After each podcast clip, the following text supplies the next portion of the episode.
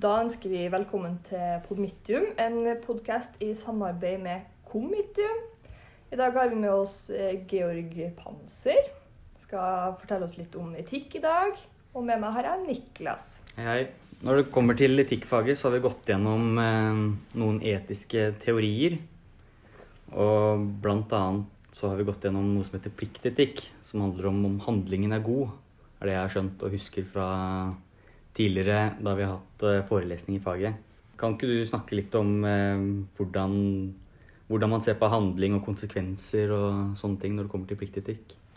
Ja, eh, det kan jeg gjerne gjøre. I, i faget etikk, da at Etikk og moral er jo noe som alle har et forhold til. Og man trenger ikke å gå på en høyskole eller et universitet for å bruke eller gjøre etiske vurderinger. Men når man går på en høyskole eller universitet, så forsøker vi å gjøre det på en systematisk måte. Da vi systematisk tenker gjennom hvordan vi skal handle på riktig måte. Og på en høyskole og på et universitet så er vi da opptatt av teorier. For det er teoriene som eh, systematiserer argumentasjon.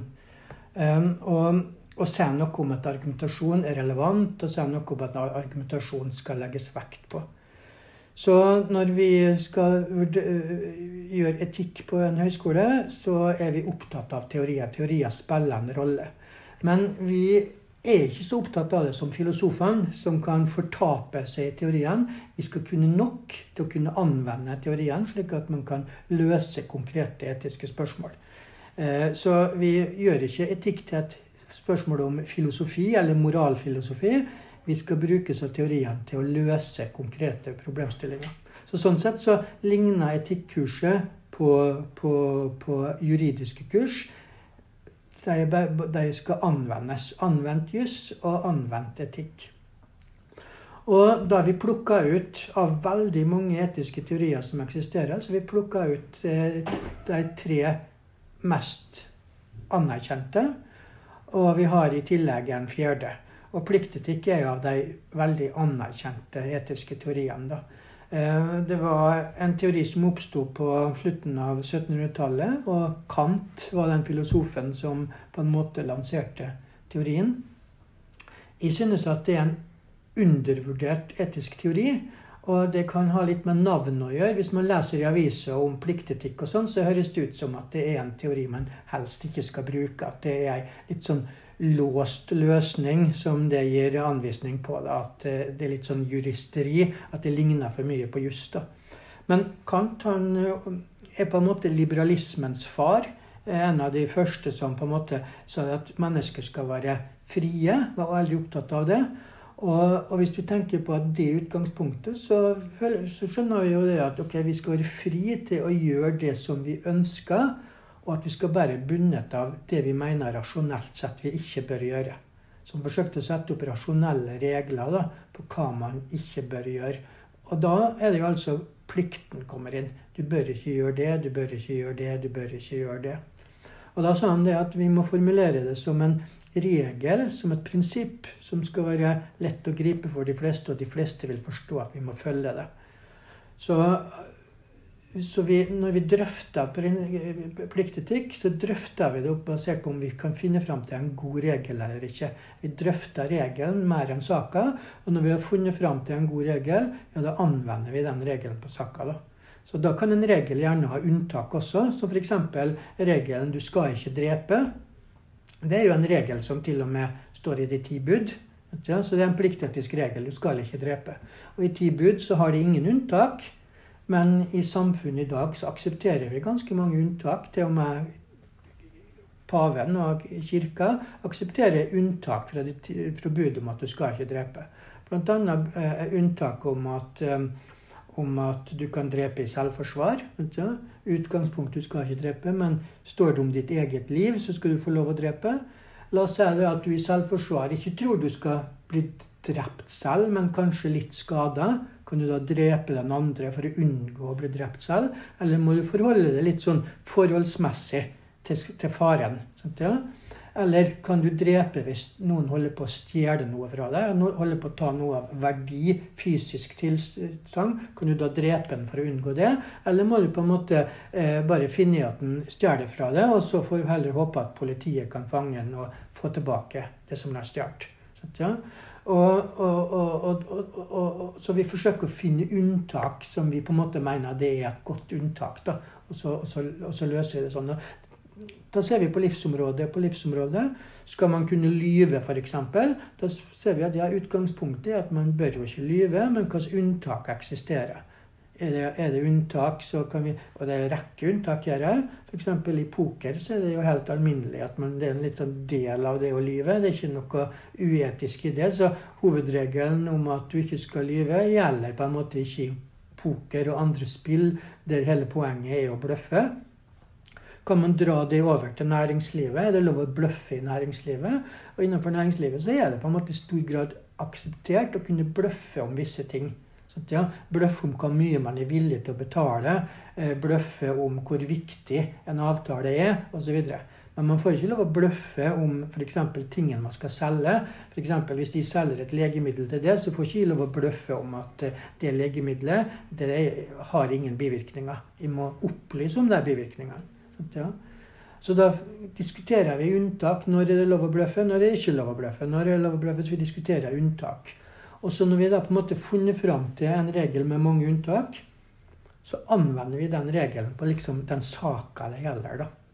Det høres jo nesten litt ut som at det er en sånn konstant let etter unntak til ja. kardemommeloven. Stemmer. Det er konstant lek etter unntak. Du smaker det frem på unntak, forsøker å tenke et unntak. Så det er det. Konstant leten etter unntak. Men Hvordan er det det skiller seg fra ja, si arbeidsmiljøloven, da? Uh, ja, sånn at Pliktetikk ligner litt på lovgivning. for det er jo nettopp det Stortinget gjør. De, har en, de vedtar en lov med en hovedregel, og så har de veldig mange unntak under. Så, så når Kant levde, så var det veldig lite lovgivning. Da var det slik at det meste var bare sedvanerett, uh, med noen ulne prinsipper. Og så eh, var det slik at Kant mente at det var ikke bare moralen som burde være sånn, men lovene også. Man burde gå bort fra sedvanerett og, og, og, og lover med prinsipper. Og heller til at Stortinget, eller et lovgivende forsamling ble tvunget til å, å skrive ned lover og alle mulige unntak i en bok. Så, så, så, så hele verden fulgte jo Kants råd om å lage omfattende lovbøker. Så det vi snakker om nå på etikken, det er jo ingen som kan skrive ned disse tingene. Men Kant mente jo at det skulle gjelde i jussen også, og der fulgte man anbefalinger, og da fikk man eh, lovbøkene. Mm. Og Da er det Stortinget som leter etter unntak og sier at ja, den lova her har fått noen uheldige bivirkninger, derfor så må vi gjøre et unntak. Ja, og nå er, det, nå er, vi i mai 2021, og vi har hatt ganske ra, et rart år bak oss. Der eh, myndighetene har satt regler på f.eks. hvor mange vi kan ha i eget hjem, og hva vi kan gjøre på fritiden og sånne ting. Og der er vel kanskje diskursetikken ganske sentral å bruke for den enigheten og konsensus som er i samfunnet da, om hva som er best å gjøre for å senke smittefaren. da ja. i samfunnet generelt. Mm. Eh, har du andre tilfeller der diskursetikk er sentralt å bruke? Ja, diskursetikk er en av disse teoriene vi har i kurset, da, som den er veldig ny. Den er en, en, en moderne teori. Jørgen Habermas, som er diskursetikkens far, han lever den dag i dag. Er vel 95 år eller noe sånt. Så det er en veldig ny etikk. Og den diskursetikken det den, det den uh, fokuserer på, er det at parter blir enige om hva som skal være moralen. Altså en form for konsensusenighet. Ja? Og da ser vi at diskursetikken kan ligne litt på pliktetikken. På pliktetikken så er vi ikke opptatt av at det skal være enighet omkring den hovedregelen og de unntakene vi leter etter. Ja?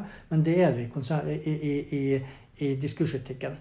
Så la oss si at jeg mener at en hovedregel eller et unntak etter pliktetikken, det er veldig bra.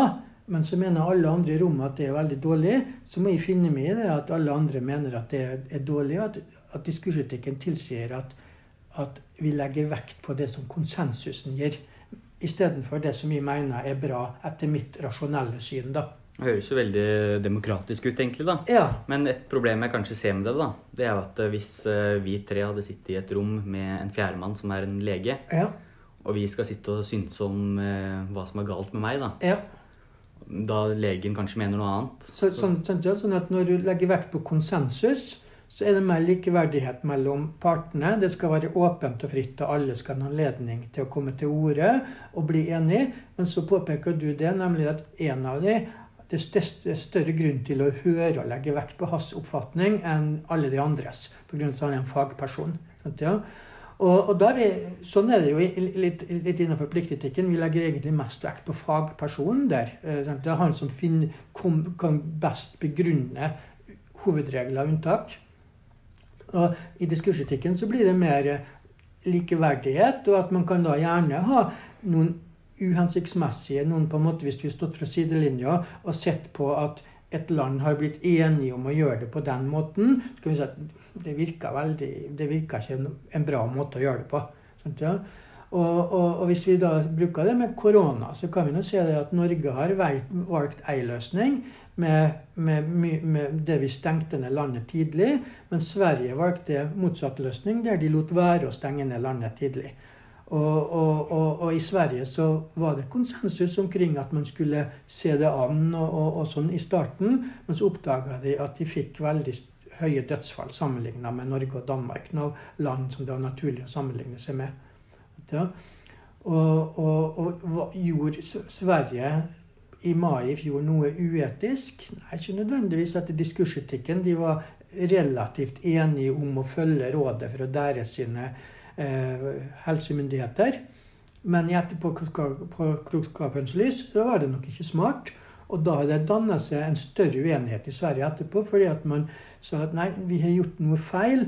Og så er det blitt stor grad av uenighet mot han Tengel, da, som er fagmann, og som, eh, som fortsatt holder på det faglige.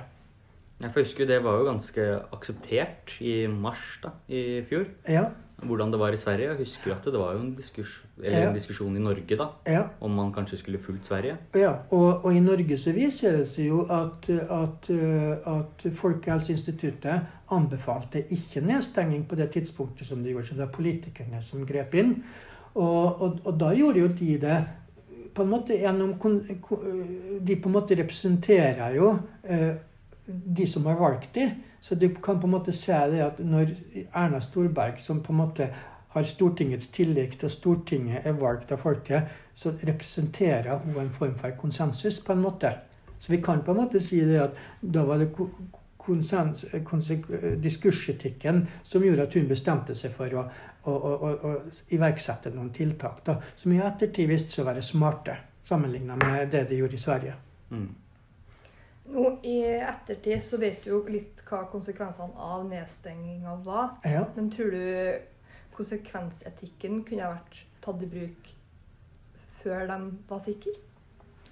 Ja, Det var jo konsekvenser, konsekvensen Konsekvensetikken er den etikken som, eh, som eh, de fleste har et helt intuitivt forhold til. Og konsekvensetikken den oppsto òg på 1700-tallet. Samtidig som Kant.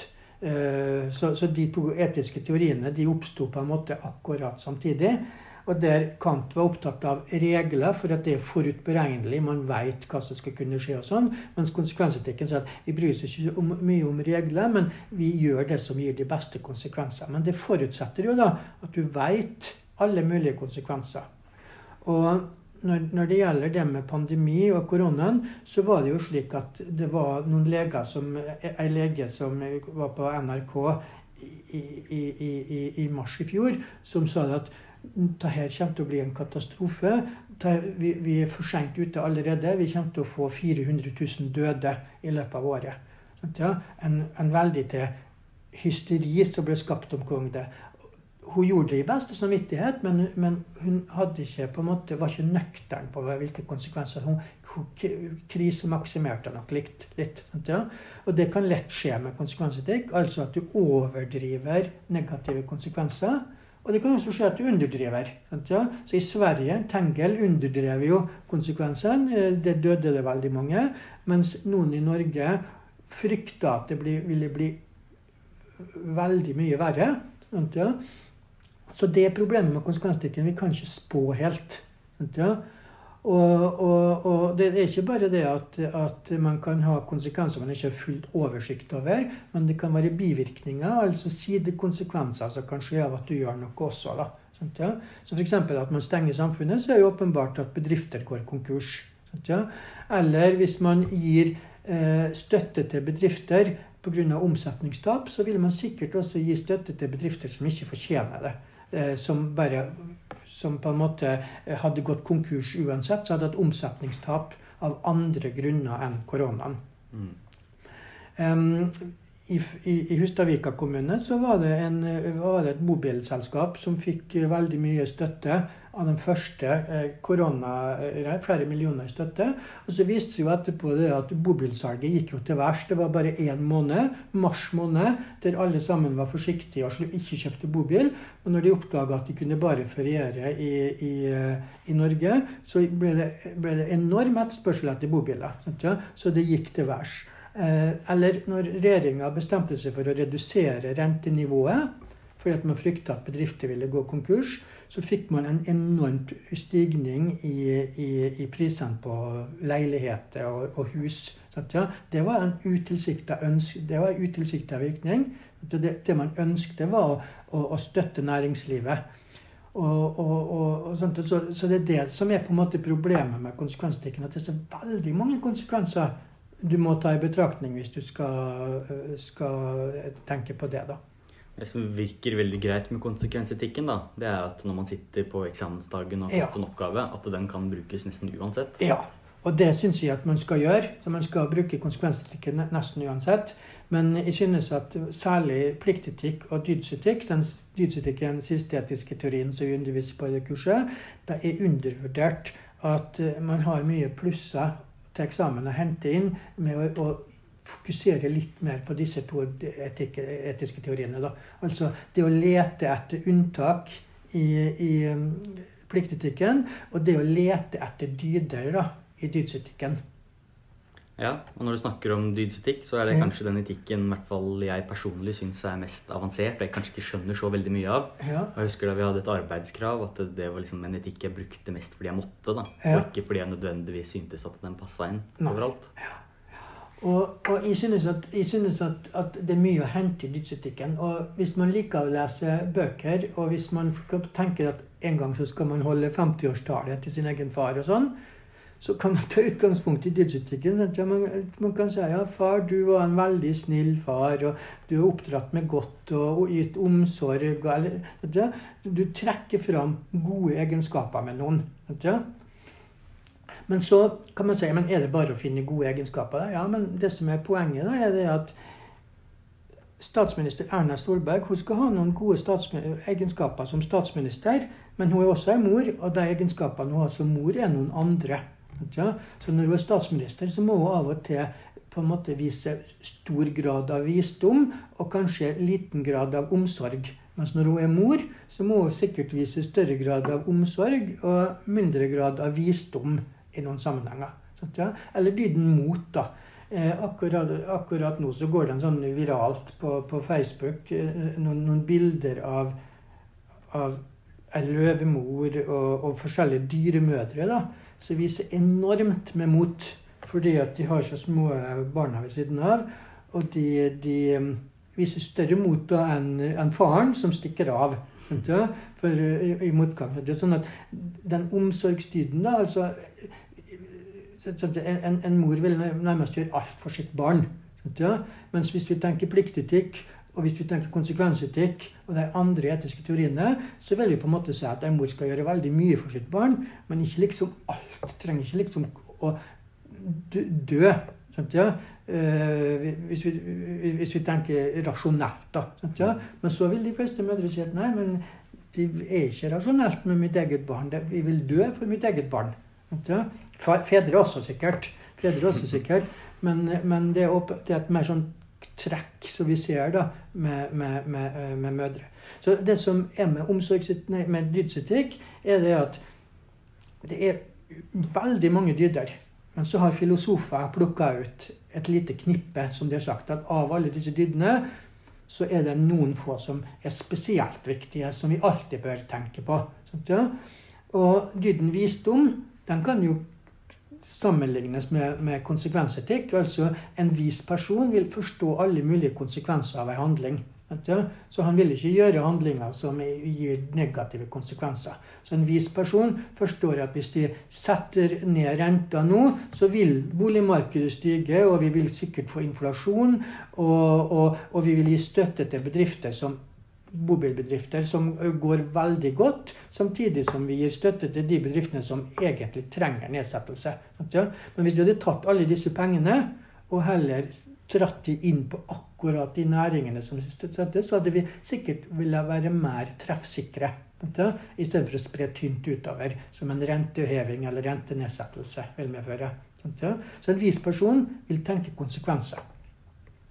Og konsekvensetikken kom jo mye seinere, så på sett og vis så, så var jo det at vi må vi, det som er konsekvensetikere, vi må oppheve dyden visdom. Den må bli den aller viktigste. Sant, ja? De gamle filosofene de sa at det var dyden rettferdighet som var den gamle aller viktigste. Vi kan godta at ikke det, vi, vi gjør de beste handlene så lenge handelen er rettferdig. Så, ja? Vi kan godta at noen dør i en krisesituasjon, men det må skje på en rettferdig måte. Så de mente det at mange filosofer mente at det var rettferdighet som var den aller viktigste dyden. Og det vil jo da tilsi at Erna som statsminister det var viktigere at hun gjorde rettferdige ting enn kloke og vise, vise ting. da. Men her vil det variere. De som, de som Bentham og de som var mer opptatt av konsekvensetikk, ville jo si at nei, det var visdom eller konsekvensene som bør ha forrang. Ja? Så, så, der søker vi etter dyder. Og da, la oss si det er Erna da, som, og, og, det er hennes sine dyder som statsminister. Hvilke dyder skal en statsminister ha? Ja, Rettferdighet og visdom er åpenbart de to. Om, om jeg mener rettferdighet er den viktigste, eller noen andre mener visdom er den viktigste, spiller ikke noen rolle, men de to er veldig viktige. Ja? En statsminister må sikkert også vise mot. Når hun får tøffe spørsmål, så må hun stå på det. Og, og kan ikke ha på snu kappa etter vinden hele tida, det vil bli en dårlig statsminister. Og det er politikere som gjør det, som snur kappa etter vinden hele tida. Og, og, i det landet så går det det vi kaller det gjerne populistiske eh, eh, politikere. Og de viser liten grad av mot. De tør ikke å stå opp mot. Så de er jo egentlig ikke ledere, men de blir leda istedenfor. Men tror du mm, disse forskjellige dydene at de endrer seg ja, ta, Hvis du drar til USA, da. Ja og presidenten der, at kanskje de kristne dydene, da, ja. tro, håp og kjærlighet, da, ja. at de står mer sentralt enn det de hadde gjort da i Norge? Uh, jeg vet ikke om dydene står sentralt, men religion står veldig mer sentralt der og, i USA. Og det er nok heller det vi kaller dogmatisk religion. Så det er altså at, at, at eksempel det er ikke akkurat kjærlighet som kjennetegner de veldig på en måte konservative kristne i USA. De er jo veldig for dødsstraff. De de, de de er veldig imot at man skal hjelpe personer i nød osv. Så, videre. så nei, enhver skal være sin egen lykkes med og sånn. Så jeg vil ikke egentlig si at kjærlighet nødvendigvis er en dyd som står der, men dyden tro det er jo åpenbart uh, veldig, veldig viktig der. Og dyden håp også. Så I USA så er det veldig stor forskjell mellom, mellom, mellom uh, i samfunnet.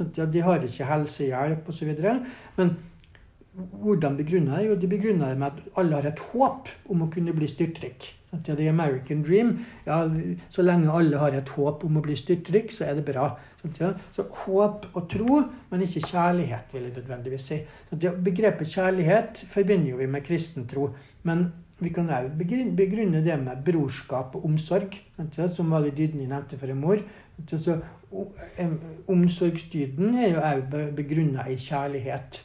Så vi trenger ikke å knytte det til, til, til, til religiøse dyder. da. Men når du sitter der da, på ja. eksamensdagen i slutten av mai ja. og litt stressa, dårlig tid, og så skal du prøve å smette inn den dydsetikken et eller annet sted i oppgaven, ja. har du en sånn, et typisk tilfelle der det, man kan sette den inn? det nesten, Dydsetikken kan nesten brukes på alt. Så, mm. for historisk så var det bare dydsetikk all etikk ble vurdert ut ifra. Så fra, fra, fra, tidenes morgen, eller fra klassisk tid, da, ved Aristoteles, som på en måte skrev det første verket, 500 år før Kristus sånn cirka, og fram til 1700-tallet så var det bare dydsetikk. Det de, var bare dyder de søkte etter, og forsøkte å finne dyder som krasja, og balansere de, og, og, og slike ting. da. Så jeg ville sagt det at, at det er jo fire dyder da, som vi sier liksom er de filosofiske fire viktige. Som er, rettferdighet, visdom, mot og moderasjon. Ikke for mye av noe. Ja? Vi skal vise moderasjon. Ikke, det er ikke om å gjøre å bli for rik. Mm. Ja? Så, så, så, jeg ville sagt det at forsøk å dra inn disse fire. Men i tillegg så mener jeg det at, at dyden omsorg, skråstrek kjærlighet, veldig ofte kan bruke. Kan brukes til og med på en statsminister. Altså at hun må ha kjærlighet eller lojalitet til sin egen uh, til sitt eget land og til sitt eget folk. Da. Så kan man si ja, men Erna hun er jo også Høyre-leder. Skal hun ha større grad av lojalitet og kjærlighet til Høyre-velgere? Nei, ikke når du er statsminister. Med en gang du blir statsminister, så må du vise likt over hele landet. Men Sylvi Listhaug og, og, og, og Vedum og Støre og deg de tenker først og fremst på sine velgere. Kjærlighet og omsorg for sine velgere og sine interessentgrupper. Og det ser vi jo da særlig på f.eks. Senterpartiet og, og Vedum, som er veldig opptatt av f.eks. landbrukspolitikk.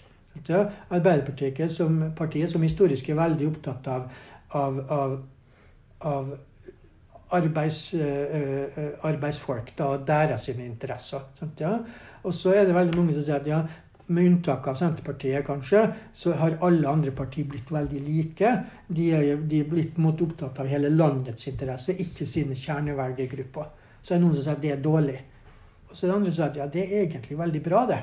Ja, det er egentlig veldig bra det at uh, de partiene er blitt mer opptatt av hele landets interesser enn kjernevelgergruppene. Og at, de da, at det er synd egentlig at de taper velgere.